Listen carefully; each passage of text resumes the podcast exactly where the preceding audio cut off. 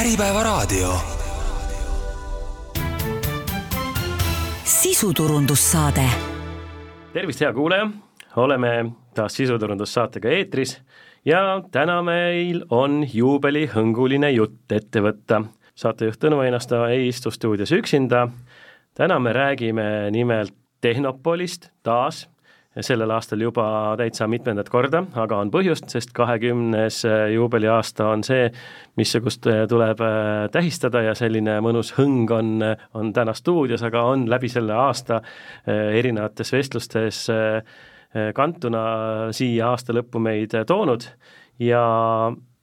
võiksime öelda, et me räägime täna Tehnopoli kakskümmend aastat sellist tehnoloogiaettevõtete toetaja ja võimestajana, sellise mõtte võime õhku visata, et kuidas Tehnopol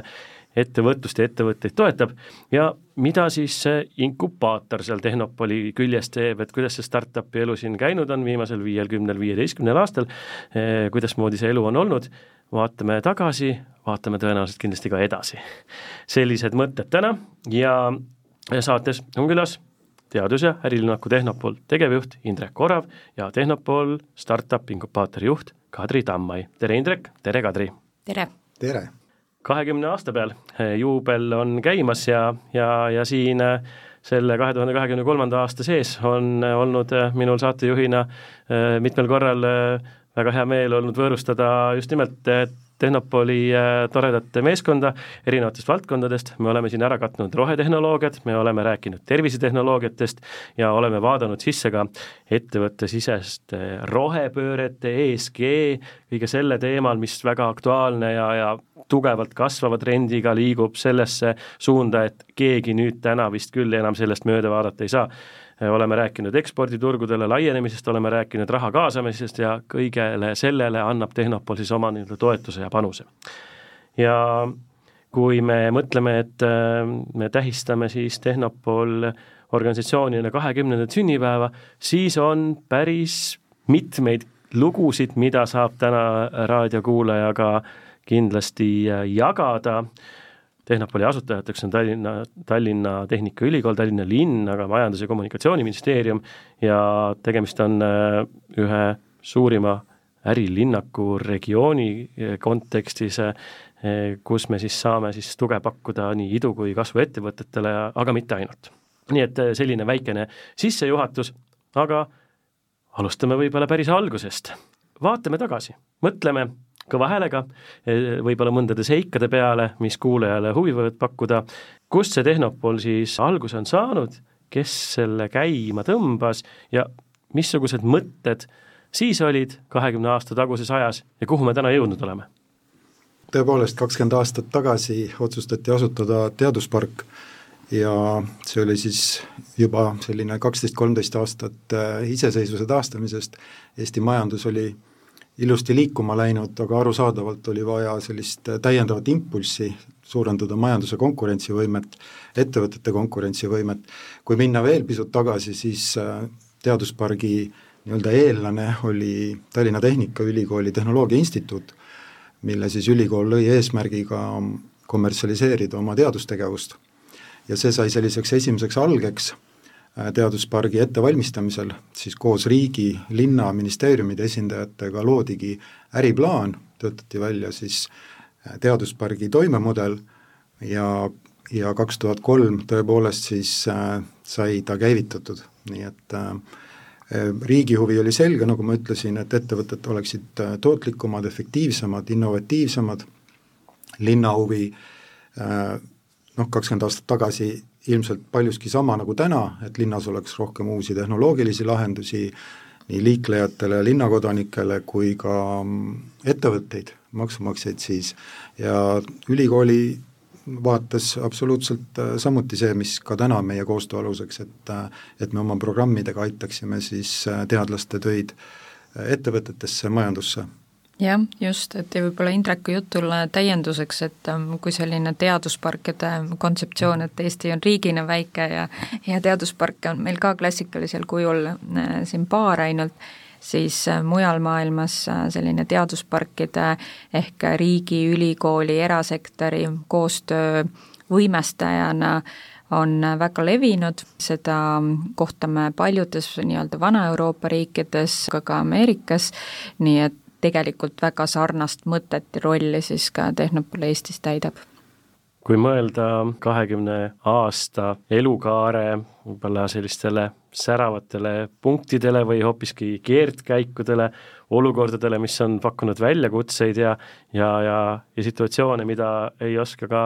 paremate plaanide juures ette näha, mis, mis annavad võib-olla täitsa hoopiski teise kurvi ja ja panevad iseennastki eh, läbi mõtlema, kes me oleme, kuhu me täna jõudnud oleme, kuhu me liigume. kuidas see areng on eh, olnud, kas, kas siin saab tuua mõningaid märgilisi selliseid daatumeid või kuidasmoodi majanduskeskkond ise meie ümber on läbi selle kahekümne aasta päris palju väljakutseid esitanud ettevõtjatele, aga siis järelikult ka teile, kes te peate siis ettevõtjaid toetama situatsioonides, mis, mis endalegi on tihtipeale uus ja, ja natukene võõras, et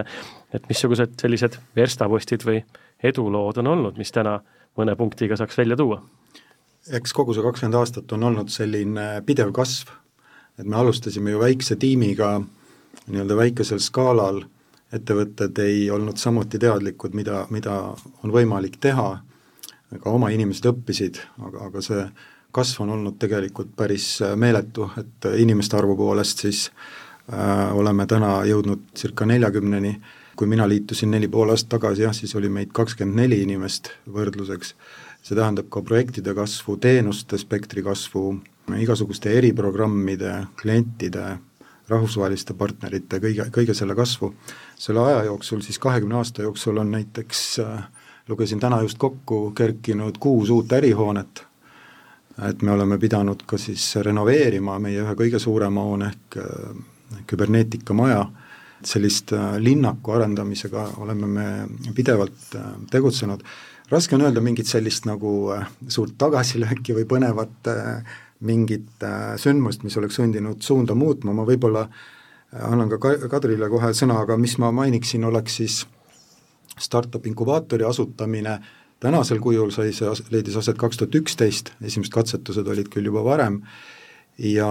see on kindlasti täna siis regiooni kõige suurem inkubaator ja kõige, üks meie kõige tuntum kaubamärk. Ja tegelikult kohe pärast seda, kaks tuhat kaksteist sai asutatud siis ka Prototron, mille, koos TalTechi ja Swedbankiga, mille eesmärgiks on ähm,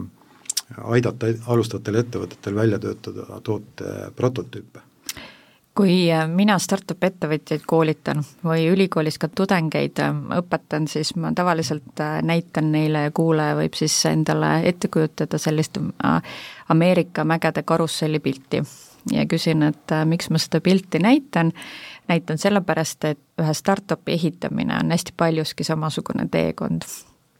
Ja meie teekond Tehnopolis on ka natukene olnud nagu sõit Ameerika mägedel selles mõttes, et äh, see sõit on äh, alati natukene üles-alla, sellepärast et nii, nagu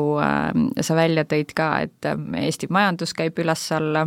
käivad ettevõtjate Äh, tulemused üles-alla äh, ja, ja seetõttu äh, meie tegevus kindlasti ka natukene, see sõit on hästi kiire, sellel sõidul on omajagu pöördekohti samamoodi. Ja see tähendab tegelikult seda, et see on hästi nõudlik töö. Ja meist ei oleks ettevõtjatele kasu, kui me neil järgi jookseks meist on ettevõtjatele kasu siis, kui me jookseme vähemalt sama kiirelt kui nemad ja soovitavalt natukene kiiremini veel. kui neil on see koht, kus Ameerika mägede karussellil on see nii-öelda mõõnakoht, siis peame meie suutma neid sinna ülespoole tagant lükata või eest tõmmata, pole vahet, kuidapidi ette kujutada. ja selle jaoks peab pidevalt kogu aeg oma kompetentse tõstma, me peame kogu aeg oma teenuseid innoveerima täpselt samamoodi, et turuvajadustega sellega olla äh, käsikäes, et äh, tuues lihtsalt mõne näite, et kui veel äh, eelmisel strateegiaperioodil väga paljud ettevõtted selliste toetusorganisatsioonide strateegiast jooksis läbi, et me toetame Eesti infotehnoloogia ettevõtteid, noh, tänaseks päevaks võiks öelda, et tegelikult IKT jookseb vertikaalselt või läbi erinevate vertikaalide horisontaalselt kõigest läbi. täna me oleme seal kohas, kus tehisintellekt on umbes samasse kohta jõudmas, ehk kõik sellised ühelt poolt uued tehnoloogilised lahendused ja teist poolt siis ähm, võimalikud uued teenused, kuidas siis ettevõtjaid ka päriselt esiteks kõigepealt turule aidata, siis eksportturule aidata. Äh,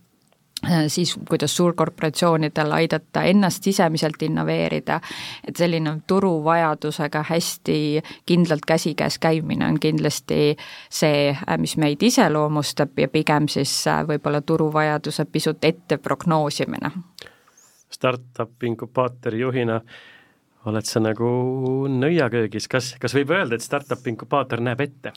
Teie näete ette neid trende, mis hakkavad tõusma, need ettevõtjad, kes tulevad äh, ja hakkavad siis äh, järsku mingisugustele kindlatele fookustele tuge ja toetust otsima, et siis laia maailma minna. kas siin on näha, et kuna te peate ees kõndima teistest, mitte kuidagimoodi tagant lükkama ja vaatama, kuhu suunda minna, et äh, ühtepidi tulevikuennustus ja teistpidi võiks nagu panna panuseid, et, et mis suund nüüd käima läheb? hästi atraktiivne ja seksikas oleks öelda, et jaa, meil on see kristallkuul ja, ja nõiapada ja kõik asjad seal kontoris olemas, tegelikkus on märksa argisem ja selle nimi on üldiste makrotrendide jälgimine, analüüside lugemine, tehnoloogiamaailmaga kursis olemine ja tegelikult see näitab päris kiiresti kätte, et millised trendid on tõusvad, millised on languses, kuhu on prognoositav, et lähiaastatel tekib ka startup ettevõtjaid juurde, aga selles mõttes natukene kindlasti ka sellist, kas ma just ennustamiseks seda nimetaksin, aga võib-olla sellist nagu ettenägemisvõimet äh, peab omama, sellepärast et ähm, et ähm, startup'id tihtipeale ei ole mitte siis neid trende ainult järgivad, vaid neid trende tegelikkuses loovad. ehk äh,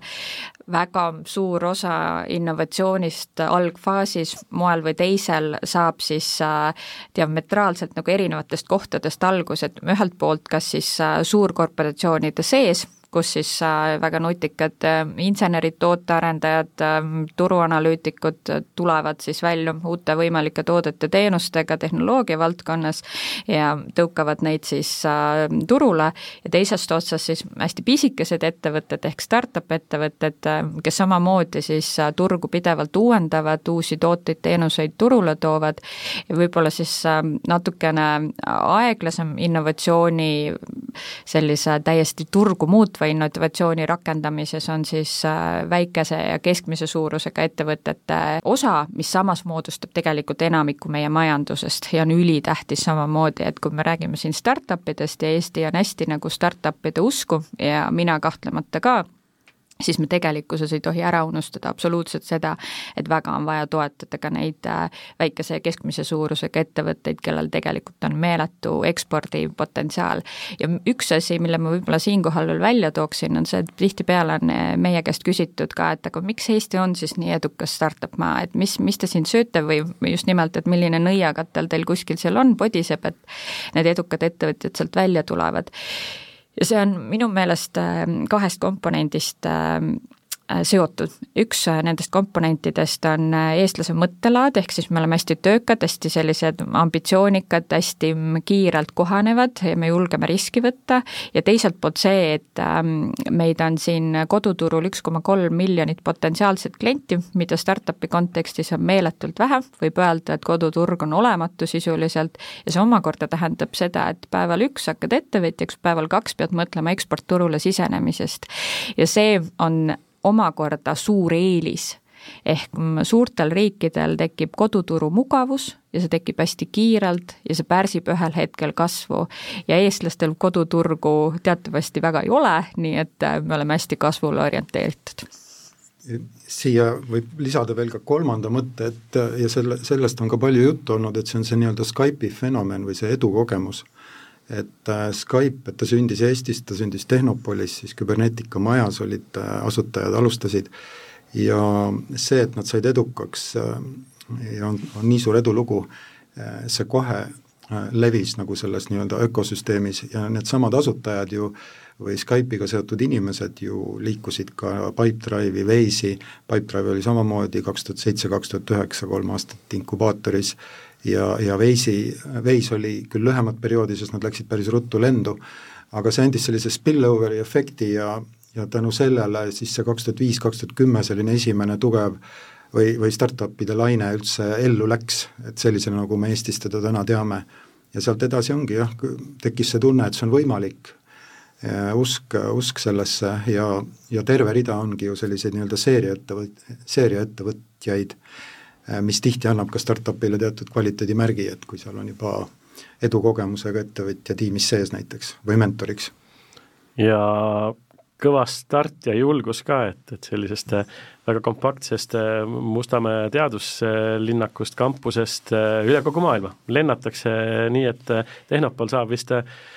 igale punktile gloobusel täpikese panna ja öelda, et ka sinna oleme me aidanud ettevõtteid äh, liikuda, avastada uusi turge ja, ja toetada oma mentorvõrgustikuga. jaa, me saame absoluutselt, ma arvan küll, et enamikesse riikidesse panna äh, täpikese selles suunas, et äh, Eesti eksportijad on sinna jõudnud ja tõesti, me, meil on oma roll selles olnud, et neid sinna aidata, aga arvestatavalt suurde hulka riikidest saaksime me panna ka vastassuunalise täpikese. väga palju on neid ettevõtjaid just startup sektoris, kes tulevad just nimelt meie programmidest osa saama üle maailma, neid tuleb äh, erinevatest Aasia riikidest, äh, mõistagi tuleb neid hästi palju kogu sellisest äh, Kesk-Euroopa riikidest, Skandinaaviast, aga ka üllatavalt palju näiteks Ladina-Ameerikast ja nad tulevadki selle jaoks, et ähm, vaadata oma silmaga üle, äh, mis imeriik see täiesti digitaalne Eesti on, kus äh, Euroopas kõige rohkem startup'e elanikkonna kohta tuleb, kõige rohkem edukaid startup'e, kõige rohkem investeeringuid elanikkonna kohta, et äh, mida me siin nendega teeme. Ja on tulnud näiteks väga selgelt Aasiast ka ettevõtjaid, kes ütlevadki, et ma tulengi siia sellepärast, et et äh, need programmid on omakorda kvaliteedimärk ja ma tegelikult lähen koduturule tagasi oluliselt tugevamalt. Me nüüd räägime teadusparkidest, ärilinnakutest, äh, sellest, kuidas kuidas Mustamäel on vist isegi vaata et ühe ruutmeetri kohta kõige viljakam kasvupinnas ja väga, väga ilus näide, et, et see mõlemasuunaline liiklus ehk et tullakse kaugelt siia meie juurde töövarjule nii-öelda -hmm. õppima, kogema, sest et äh, täna viisteist pluss aastat, kui siis esimesest startup line'ist kahe tuhande viiendast aastast hakata nii-öelda vaikselt vaatama, me anname väärtust kõikidele meie omanikele, meie partneritele et ülikool saab meilt äh, seda väärtust, et äh, ülikoolis tekkivad hargettevõtted, äh, nii tudengitiimid, teadlaste ettevõtted saavad siseneda meie programmidesse, näiteks startup inkubaatorisse või saada ärinõustamist, muud tuge ja sealt siis jõuda turule, nii et see on nagu üks väga selge väljund. Mis on teaduspargi kui sellise mudeli sisu, ongi see, et ta aitab tehnoloogiasiirdele kaasa nii-öelda ettevõtluse poole pealt, ta aitab tooteid testida, meil on olemas kogukond, kus ongi siis needsamad seeriaettevõtjad, seal tekib ühisarendusi, seal tekib sünergiat, sellist nii-öelda võimendust heas mõttes, nii et äh, me lähtume selgelt nii omanike ootustest kui siis ka turuvajadustest, nagu ka Kadri ütles, et käia natuke tur-, turult ees, aga samal ajal siis nähes, mida Eesti ettevõtted tegelikult vajavad ja viies siis kokku meie partnerite potentsiaali, on need siis teadlased, on need mentorid, on need investorid just, ja vaadates äh, väga konkreetselt siis äh, ettevõtja poole pealt, äh, millist väärtust ta loob, Eestis on täna umbes kümme tuhat inimest, kes töötavad startup sektoris. suurusjärg on umbes kolm protsenti SKP-st, tuleb sellest sektorist, see kasvab vaatamata majanduse keerulisele olukorrale üldiselt, jõudsalt iga aasta endiselt. Keskmine palk selles sektoris on kaks korda kõrgem kui Eestis keskmiselt, nii et ähm, selline nii tööandja kui töötaja motivatsioonist äh, väga selge argument. möödunud aastal enam kui sada kakskümmend miljonit tööjõumakse Riigikassasse ka väga selge argument, miks siis startup ettevõtjaid ähm, võiks ähm, rohkem olla. meie oleme oma panuse andnud sinna seitsmesaja ettevõtte turule toomisega läbi erinevate programmide ja toetuste, aga nagu enne sai öeldud ka, et siis tegelikkuses kõige suurem potentsiaal mõnes mõttes on peidus ka nendel äh, väikese keskmise suurusega ettevõtetel, sellepärast et äh, kui ma enne ütlesin startup'ide kohta, et päeval kaks mõtlevad nad äh, rahvusvahelisele turule, siis ähm, see olukord on üsna teistsugune tegelikult nende väikeettevõtjate osas ja praegu ongi keerulised ajad. Need, kes on ekspordiga tegelikult kätt proovinud, osad on kindlasti kõrvetada saanud, valusa kogemuse saanud, inimeste riskitunnetus on erinev, aga üldiselt see võti ikkagi selles peitub, et me peame kõrgemat lisandväärtust suutma sinna sektorisse ka tuua ja tegelikult on äh, tihtipeale see võidu võti päris lihtsates asjades peidus, ehk äh, kui seda ettevõtte mm, juhti aidata reaalsete tegevustega eksportima, siis on, on võimalus üsna kiirelt seda näha. ja teine suur potentsiaal on peidus kindlasti mida me väga edukalt oleme ka käivitanud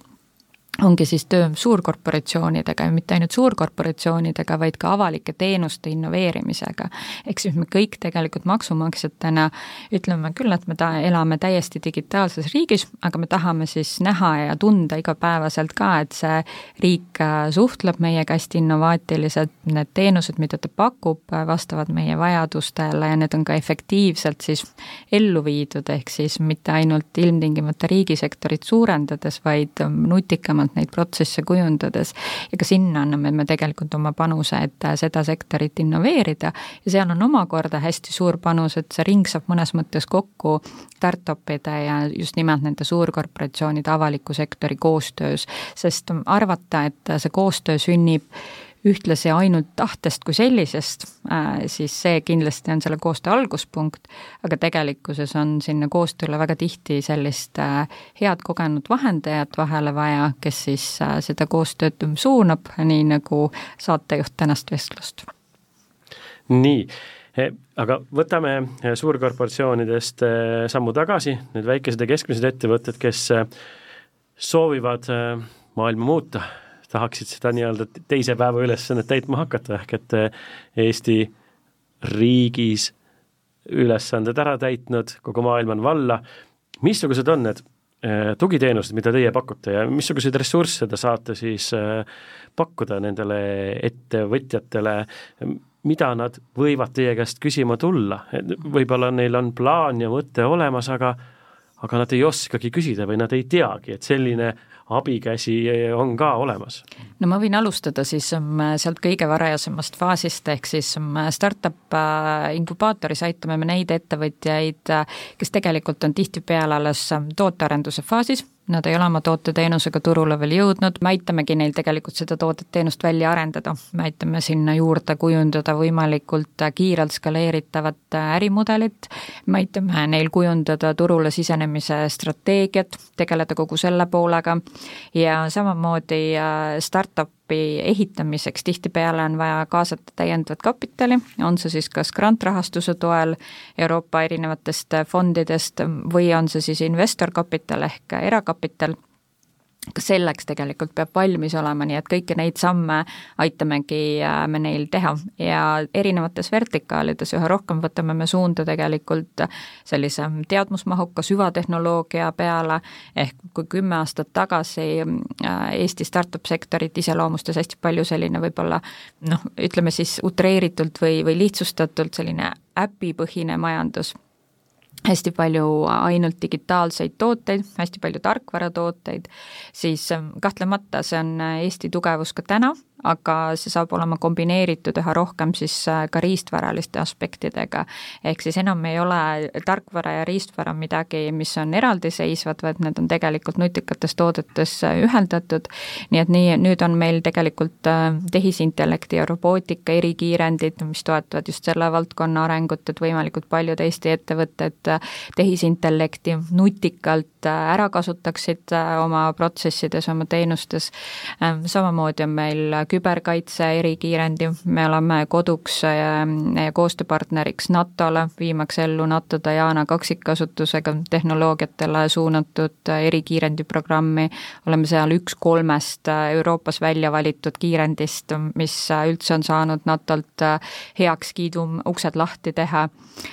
töötame programmi välja maailma gigantidega, nagu näiteks MIT Massachusettsis, et tõepoolest tippkvaliteediga programmi pakkuda, aga me töötame hästi palju ka startup idega rohetehnoloogiate ja tervisetehnoloogiate valdkonnas, nii et need kindlasti on, on need fookused, mis siis praegu turul on. ja, ja lisaks on meil siis koos kahe ülikooli ja kahe teaduspargiga, ehk siis kolleegidega Tartust ka terviseteaduskiirendi ja nõustame ettevõtteid kõiges selles, mis seondub siis rohelisemaks muutumises, aitame koostada nii-öelda kestlikkuse või siis rohepöörde teekaarti, strateegiat, kui küsimus on väikestest keskmise suurusega ettevõtetest, siis võib-olla meie oleme rohkem äh, keskendunud äh, nii-öelda kasvuettevõttele või kiiremini kasvavatele ettevõtetele just põhjusel, et kuna me ei ole liiga suur, siis me ei, jõua kõiki aidata et tuleb fokusseerida, seetõttu on meil nii valdkonna spetsialiseerumine kui siis faasipõhine spetsialiseerumine. Ja seal suures pildis need teenused on sarnased sellega, mis Kadri mainis alustavatele ettevõtetele, ehk et me aitame siis seda ärimudelit äh, mitte enam valida, võib-olla täiendada, muuta, uuendada, aitame nii-öelda jõuda selleni, kuidas siis seda tootmist skaleerida, kuidas minna nii-öelda järgmisele, järgmisele tasandile. Ja et siis ongi ka eksportturgude äh, tugi, meil on praktiliselt noh, kontaktid, võiks öelda, kolmveerandis maailma riigis. Ja erinevate programmide kaudu oleme viinud ettevõtjaid väga Eesti mõistes eksootilistele turgudele, ütleme näiteks Tšiili, näiteks Malaisia, täna on fook-, fookuses Kanada, mille kaudu on võimalik siseneda ka USA turule, või näiteks ka Usbekistan Äh, me loodame käivitada programmi Jaapani suunal, nii et äh, tegelikult kui ettevõtjad jälgivad, mida me teeme, mida me pakume, et siis neid äh, võimalusi on tohutult palju. ja meie selles mõttes väike tiim on, on väga töökas. on ära markeeritud, et on võimekus läbi väga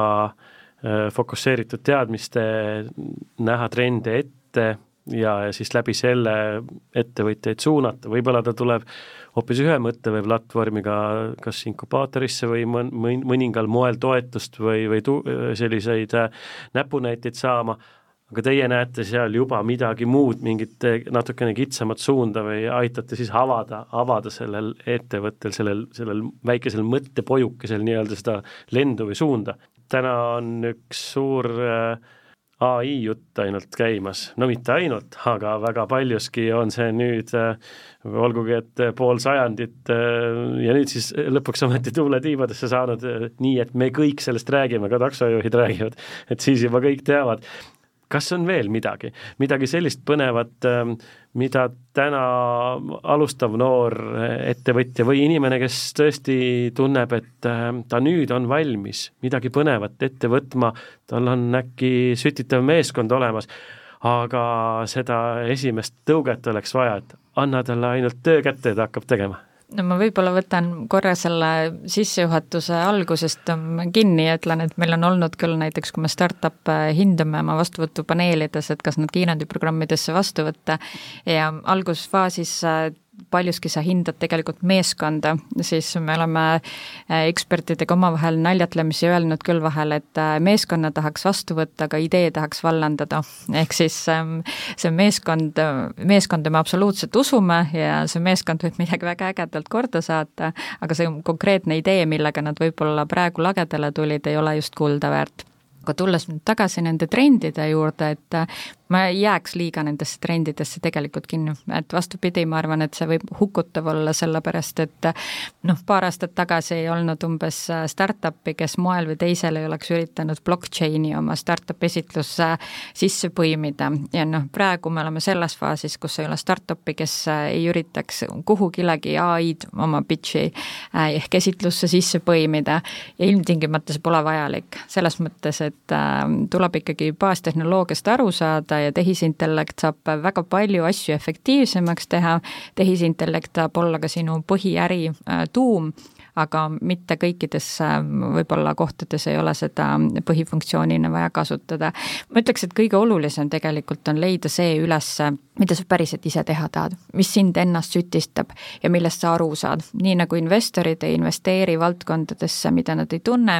niimoodi äh, võib-olla siis äh, ka üks äh, startup'i asutaja võiks alustada umbes sealt kohast, et aga mis mu enda tugevused on, mis mu enda kogemused on, kus ma nendes lõikudes mingeid probleeme näen, mida ma oskaksin ja tahaksin ära lahendada, sest ühe eduka startup'i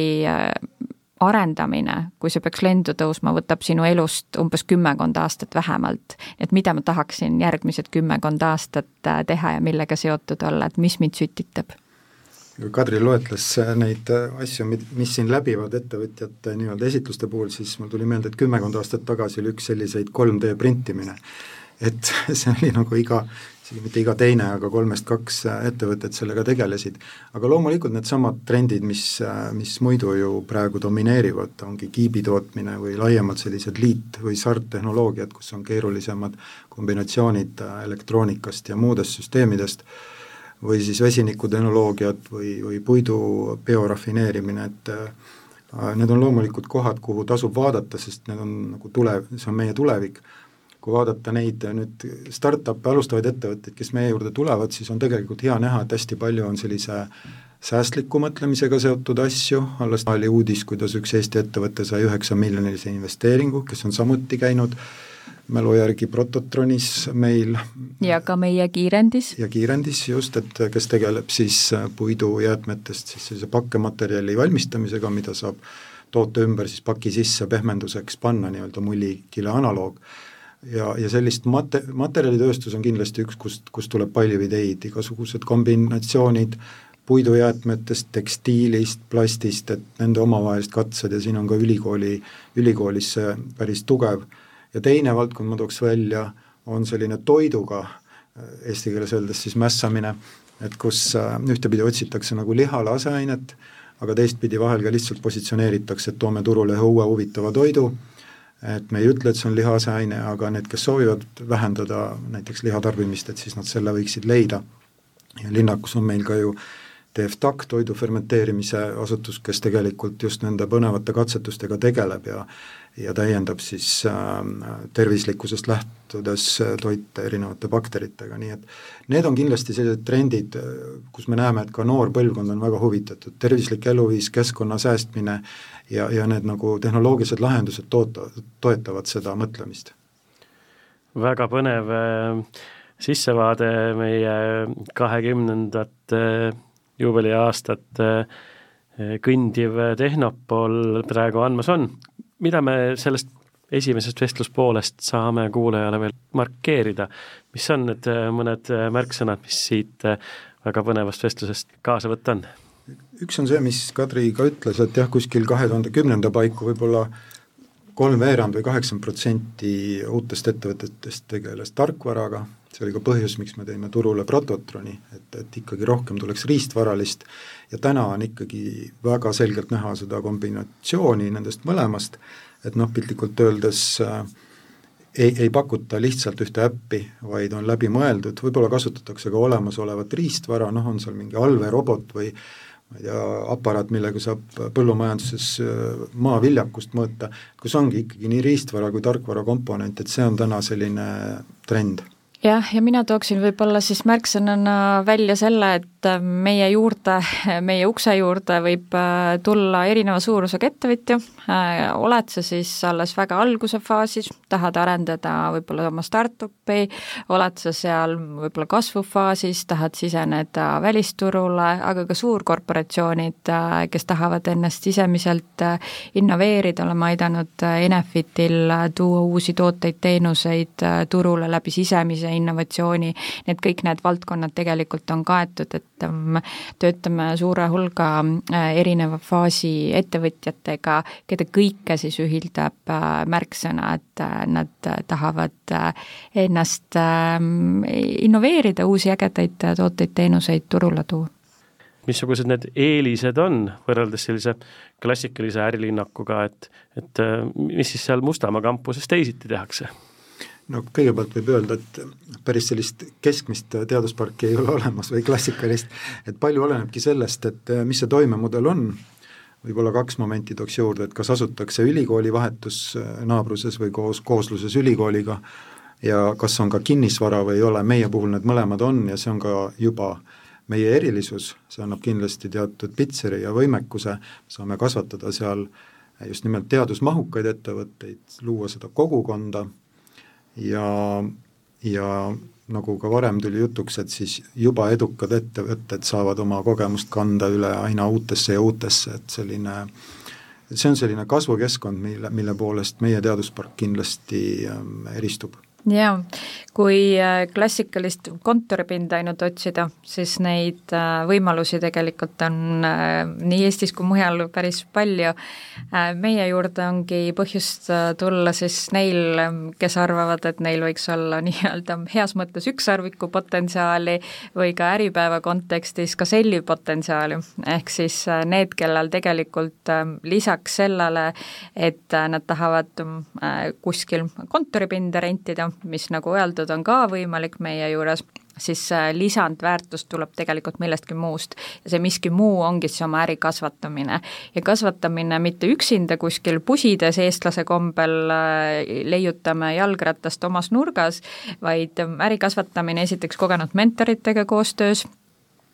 kogenud äh, teiste ekspertidega koostöös, teiste samalaadsete firmadega koostöös, sest ähm, eestlased tihtipeale armastavad üksinda teha asju, aga kui me räägime nüüd suurte eksporditurgude vallutamisest, siis ähm, päris äh, nutikas mõte on siiski seljad kokku panna. Ja noh, kui me vaatame nüüd äh, Eesti poole kaugemalt, vaatame ütleme Ameerikast või vaatame Aasia erinevatest riikidest, siis on kõik üks suur regioon, mitte ainult Eestis sees, vaid tegelikult üks suur regioon Skandinaavia kontekstis, päris kindlasti Baltikumi kontekstis, CEE regiooni kontekstis, nii et koostöö mitte siis ainult Eesti-siseselt, vaid tegelikult ka rahvusvaheliste partneritega selles regioonis, mida me samamoodi aitame siis ehitada ja, ja võimestada.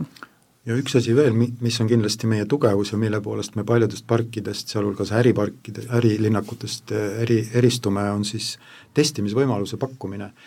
et eelkõige alustavad ettevõtted uute tehnoloogiate puhul, me pakume neile sellist turvalist keskkonda siseruumis äh,, välisalal, kus nad saavad siis äh, katsetada oma lahendusi, et kas nad siis ka päris füüsiliselt äh, toimivad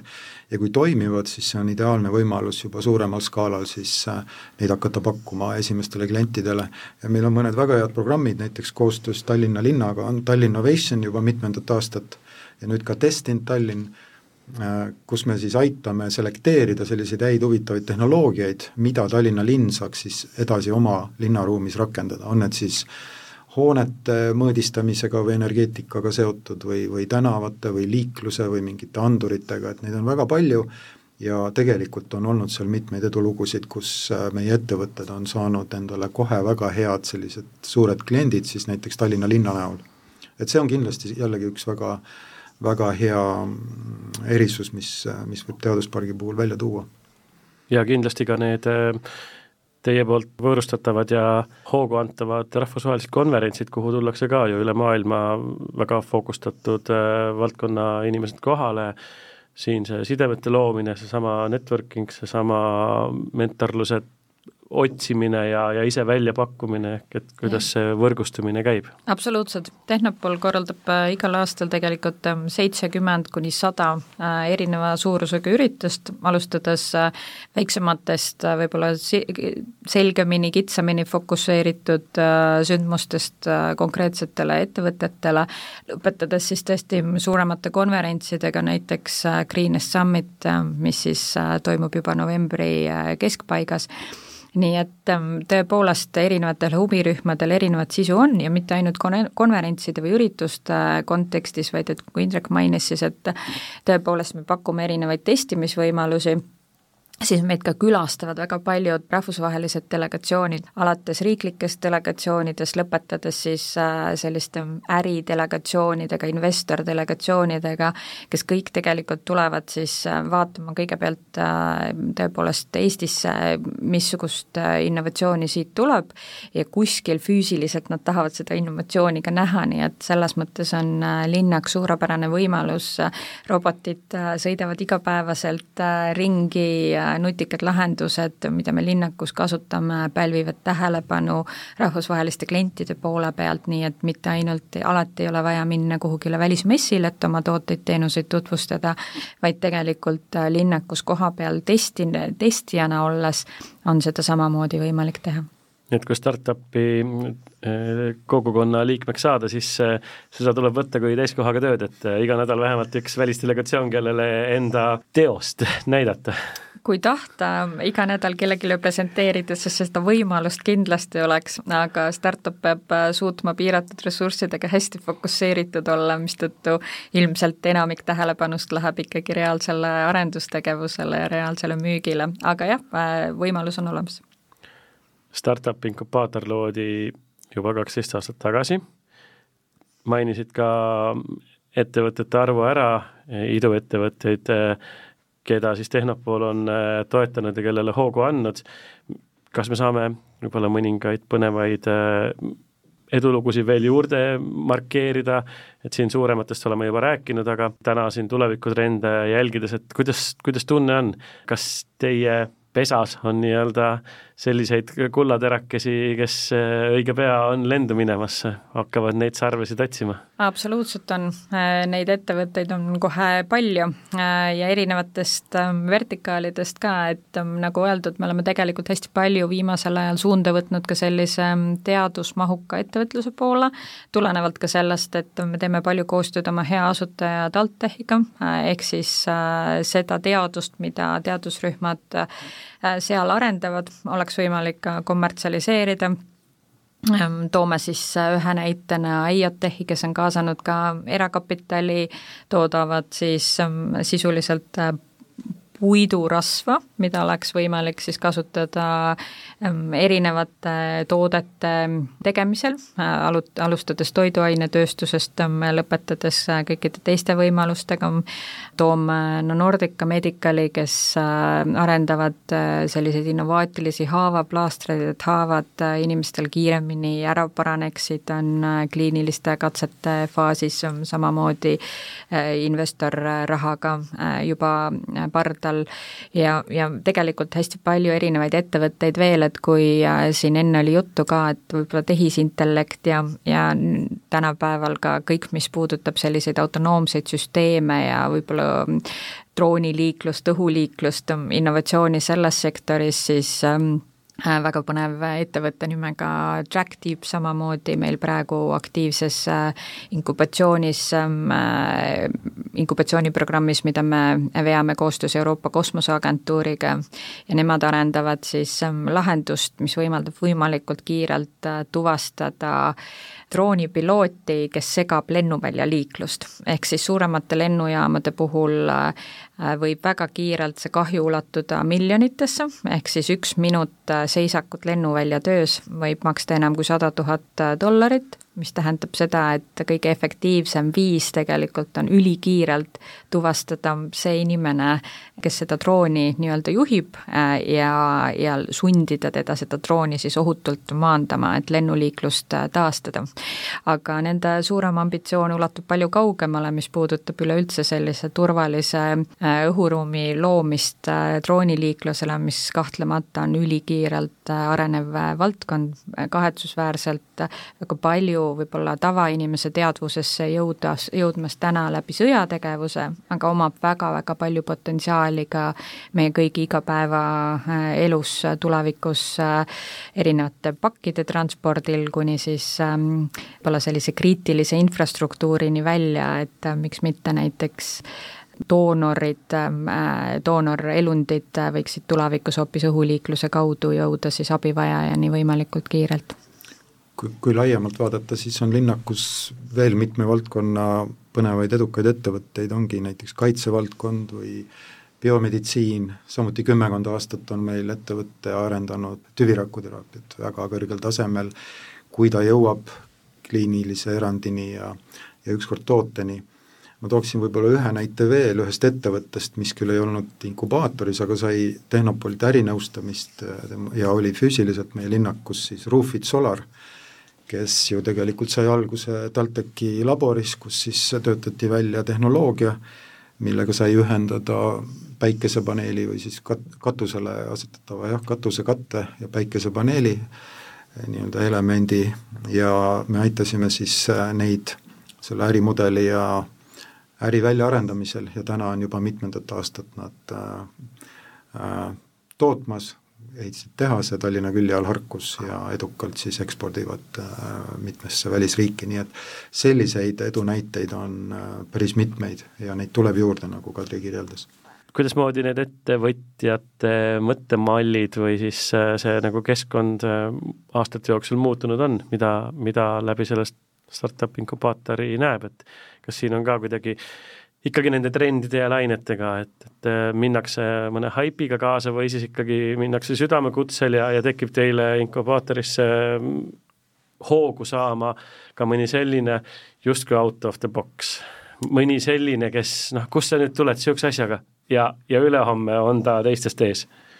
on küll, äh, on igasuguseid, selles mõttes äh, alati on neid, kes ähm, lähevad hetketrendiga kaasa ja selles mõttes ega hetketrendiga või makrotrendiga kaasaminek ei ole halb asi, absoluutselt mitte. selles mõttes äh, trendi tajumine, startup võib jõudma, jõuda väga kiire ettevõtte surmani siis, kui ta on tegelikult, liigub palju kas oma ajast ees või taga, mõlemad on halvad ajastus on absoluutselt vajalik ja ajastust äh, makrotrend tegelikult võimaldab niimoodi prognoosida küll, halb on ta siis, kui see ongi ainult selline haip või ainult um, sõna, millega ma kaasa lähen või, või, või trend, millega ma kaasa lähen, aga mind ennast tegelikult see valdkond üldse ei huvita ja ma sai, ma ei saa sellest ka aru. nüüd meie tegevus on äh, ka ajas muutunud selles mõttes, et ega Eestis on endiselt hästi palju väga häid tarkvaraarendajaid ja see on meie absoluutne tugevus, et kui me vaatame näiteks nende vertikaalide sisse ka, et kui me räägime näiteks tervisetehnoloogiast, siis tervisetehnoloogias suure tõenäosusega meie võib-olla selline tugevus ei ole, ütleme, erinevad meditsiiniseadmed, sellepärast et äh, sellealast kogemust lihtsalt Eestis äh, napib väga. aga meie tugevus kindlasti on kõik, mis puudutab digitaaltervise valdkonda ja siin on meil siis äh, piisavalt sellesama digiühiskonna tulemusena piisavalt andmeid tegelikult, meil on piisavalt ähm, selline avatud mõtlemisega valitsus, kes tegelikult on valmis ka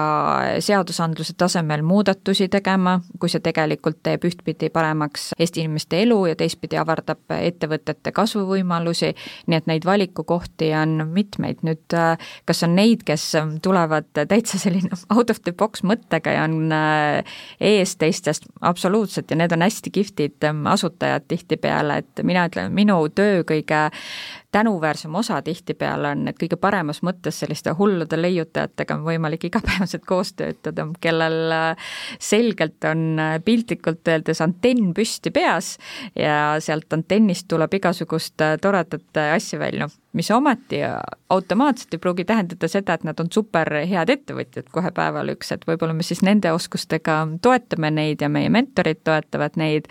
aga see on super lahe vaadata, kui ägedaid ja hulle mõtteid inimestel on ja mida neil õnnestub äh, teoks teha ka ja siis äh, see, mida sa, kui ta alguses sulle kirjeldab seda mõtet, äh, tihtipeale on minul ka see tunne, et ma ei saa mitte midagi aru ja ma veel vähem ma saan aru, et kellel seda vaja võiks olla või kuidas seda kasutatakse ja siis me teeme temaga kolm sessiooni ära ja siis tekib endal see heureka moment ja siis oskad teda aidata. ja, ja siis äh, vaatad kuus kuud hiljem, et äh, võib-olla ongi toode juba esimese versioonina turul ja päriselt läheb inimestele korda ja aitab nende elusid paremaks muuta, et see on hästi kihvt moment saab ära mainida mõningaid selliseid algatusi või programme, et olete mitu korda Prototroni maininud, kus siis saab tõesti nullist peale hakata päriselt äh, neid äh, algseid äh, toorikuid nii-öelda valmistama, eks ole, alates ideest siis lõpuni välja, aga et, et mida siis Tehnopool käivitunud on, et siis seda idusektori kasvu ja konkurentsivõimet toetada ja sellele hoogu anda Prototronist me Indrek põgusalt juba rääkis, aga tegemist on siis prototüüpimise rahastuga, kust on võimalik äh, kõikidel ähm, alustavatel ettevõtjatel saada siis ähm, osalusvaba äh, rahastust, mis tähendab seda, et keegi ei võta teie ettevõttest, ähm, ei lõika tükikest endale. Ja äh, viimastes voodudes see rahastus on olnud kuni kolmekümne viie tuhande euro suurune, see sõltub väga konkreetsest vajadusest, konkreetsest ideest, konkreetsest arenguastmest, kus ettevõte parasjagu on, aga suunatud on see raha siis tõepoolest esmase toote väljaarendamisele ja sealt edasi siis pakume me tuge läbi oma inkubatsiooni- ja kiirendiprogrammide, nagu enne korraks juba ka mainitud, siis äh, näiteks ootame meeskondi kandideerima tehisintellekti ja robootika erikiirendisse, küberkaitse erikiirendisse, äh, oleme käivitamas rohetehnoloogiatele suunatud äh, kiirendit, varasemalt oleme toetanud tõepoolest tervisetehnoloogia, selliseid süvatehnoloogilisi ideid. Ja kahjuks kandideerimine küll praegu NATO Diana kaksikasutusele kasutusega startup idele suunatud kiirendisse on selleks aastaks lõppenud, aga järgmisel aastal kindlasti avame uue vooru, sellel aastal ähm, tuli tuhat kolmsada avaldust sellesse programmi, nii et konkurents on väga tihe, aga väärtuspakkumine meie poolt ka väga magus, äh, nii programmi sisu kui ka äh, rahalise grandi osas, nii et äh, kindlasti tasub kõikidel ettevõtjatel silmad-kõrvad lahti hoida kuhu see Eesti idusektori tulevik läheb? justkui nagu väga palju on juba proovitud, igasse, igasse ilmakaarde on joostud oma mõtetega, trendide väliselt ja trendide siseselt äh, ära proovitud enne teisi siin Eesti riigi sees, et nii nagu eelmises Tehnopoli vestluses oli, et Eesti pole mitte turg, vaid Eesti on riik ikkagi, üks koma kolm miljonit väga tehnoloogiliselt nutikat ja teadlikku klienti, kes oskavad ka tagasisidestada ja, ja, ja, ja aru saada, mida nende käest nii-öelda küsitakse justkui. kuhu me siis selle idusektoriga või üldse nagu Tehnopoli poolt hoogu antavate ettevõtetega liigume? Ma võib-olla alustaks sellest, et, et äh, väga palju räägitakse sellest, et ettevõtted peavad saama väga väärtuslikuks, äh, muutuma äh, ükssarvikuks, et mulle endale on kogu aeg meeldinud pigem see idee, et kui suur on ühe iduettevõtte mõju või, või mida ta nii-öelda päriselt teeb et äh, mõju siis äh, laiemalt maailmale, ühiskonnale, lahendades ära mõne olulise kas toidu või ma ei tea, kliima või keskkonnaprobleemi, et siis sellest võidaks piltlikult öeldes miljard inimest, et ja kui see ka nii läheb, siis äh, lõpuks ju tegelikult ka see startup selle, küll, küll ta selle miljard dollarit ka, ka teenib, et selles mõttes äh, kui korraks nende valdkonna spetsiifiliste arenduste juurde veel tagasi põigata, siis mulle endale on hästi sümpaatsed näiteks inimest puudutavad erinevad lahendused, inimese tervist puudutavad asjad, et näiteks oli üks äh, startup, äh, kelle tehnoloogia siis läbi monitoorimisseadme annab märku nii-öelda lähenevast võimalikust infarktist. et ikkagi, kui hoiatus tuleb pool tundi ennem, et see on nagu noh, see on inimesele üli, üliväärtuslik, nagu me kõik mõistame. et äh, sellised erinevad diagnostilised ähm, äh, diagnostikameetodid, monitooringuseadmed, mida saab panna kas nutikella või plaastriga keha peale, et ma leian, et äh, minu jaoks nagu selline mulle on hästi sümpaatne, kui startup indus või kogu see ettevõtlus on nagu selles mõttes missioonipõhine, et me tahame midagi muuta paremaks ja kui siis tuleb ka see materiaalne hüve, siis on väga hästi, aga ma täiesti mõistan ka seda teist poolt, kes, kes teebki seda selleks, et et teenida kiiremini siis äh, finantsvabadus. Ja otse loomulikult ega siis äh, tehnoloogiad kõikidest sektoritest äh, võivad ja peavad jõudma turule, mis muudavad eh, elu mugavamaks, ohutumaks, turvalisemaks ja nii edasi. ma võtan otsa siis sõnasabast kinni, et kui sa küsisid, kuhu ta läheb, siis ma vastan, läheb ülesmäge. ja tõepoolest statistika seda näha, näitab, et äh, tuleb äh, startup'e üha juurde, tuleb sektorisse töökohti juurde, tuleb äh, maksutulu riigile juurde, sektoris töötavate inimeste palgad muutuvad kõrgemaks, aga selle kõige kõrval ma ei saaks rohkem Indrekuga nõustuda ja see tegelikult, mis puudutab mõju, tiivustab meid ka hästi palju ja selle tõttu me oleme äh, võib-olla siis äh, siin Eestis ähm,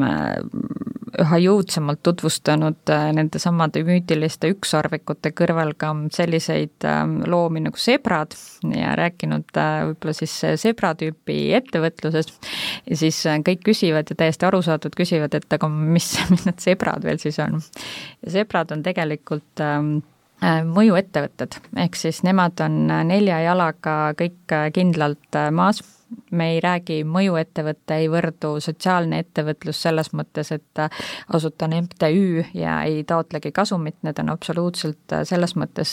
traditsioonilised ettevõtted, et nad on kasumile ikkagi orienteeritud, äritulu teenimisele orienteeritud, nad kasvavad pisut ähm, aeglasemini kui äh, võib-olla ükssarvikud,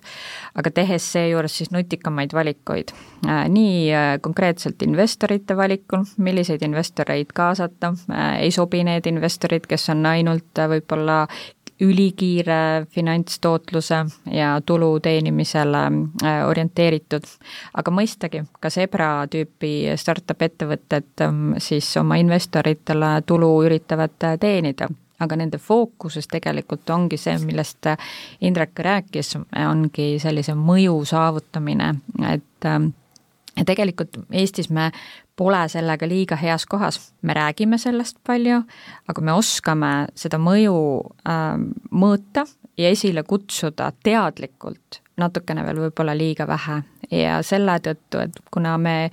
oleme tõesti regioonis äh, kõige suurem, meil on äh, päris palju erinevaid programme, siis me üritame ise sellist positiivset eeskuju näidata, suunata neid alustavaid ettevõtjaid võimalikult palju selle mõju peale mõtlema ja oleme selle aasta alguses tegelikult võtnud vastu ka eraldi mõjuettevõtete kohordi või batch'i startup ettevõtjaid, et äh, neid sellel teel ka reaalselt toetada kakskümmend aastat on äh, oldud võimas äh, toetaja ja teenäitaja neile, kes alles otsivad oma teed. mida Tehnopolile ja, ja startup inkubaatorile järgmiseks ringiks soovida? Tehnopolile järgmiseks kahekümneks aastaks, Indrek, kuidasmoodi, kuidasmoodi sina oma meeskonnale ja oma tugivõrgustikule, mis mõtted sul täna peas on, mida sa oma, oma südames kannad, missugused järgmised viis ja kümme aastat Tehnopolis võiksid olla? no kindlasti seesama kasv, mis on meid iseloomustanud, jätkub. Ja jätkub ka samas plaanis, et tulevad uued tehnoloogiad, tekivad uued koostöövormid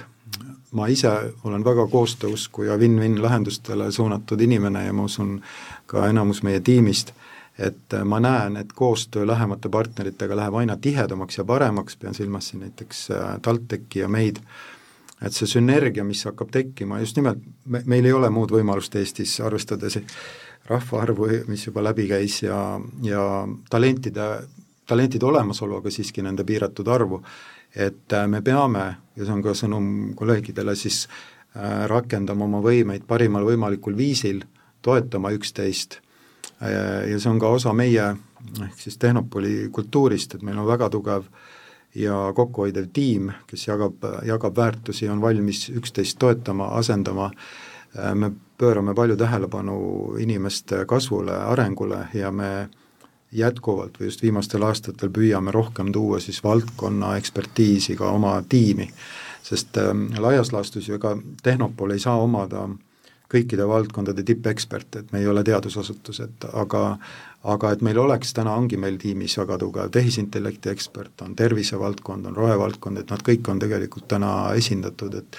ja selle üle on, on väga hea meel, sest siis me saame olla nagu võrdne partner nii ülikooliga kui ettevõtetega, kellel on väga tugev teadus-arendustöö, innovatsioon, et siis ühiselt äh, jõuda aina paremate tulemusteni. ja üks trend võib-olla, mis ka maailmas on vähemalt edukates riikides, Ameerika näiteks, ma ei tea, Iisrael, Singapur ja mõned veel, on see, et ega tegelikult tehnoloogiasiire ei ole enam ammu ainult ülikoolist ettevõtlusse, vaid ettevõtete tugevad äh, arendusüksused äh, jõuavad tänu sellele turul olekule tegelikult ise uutele, uutele lahendusteni ja siis see teave jõuab ka ülikoolidesse tagasi, et tegelikult see koostöö peabki olema kahesuunaline. nii et see, et me oleme seal praktikas, me oleme nagu ülikooli ja majanduse või ettevõtte vahel, et see nagu kinnistab meie positsiooni ka järgmisteks aastateks. Mina ütleks, et kui keegi midagi tahab soovida, siis võiks kolme asja soovida, kõigepealt äh, riskijulgust, siis kirge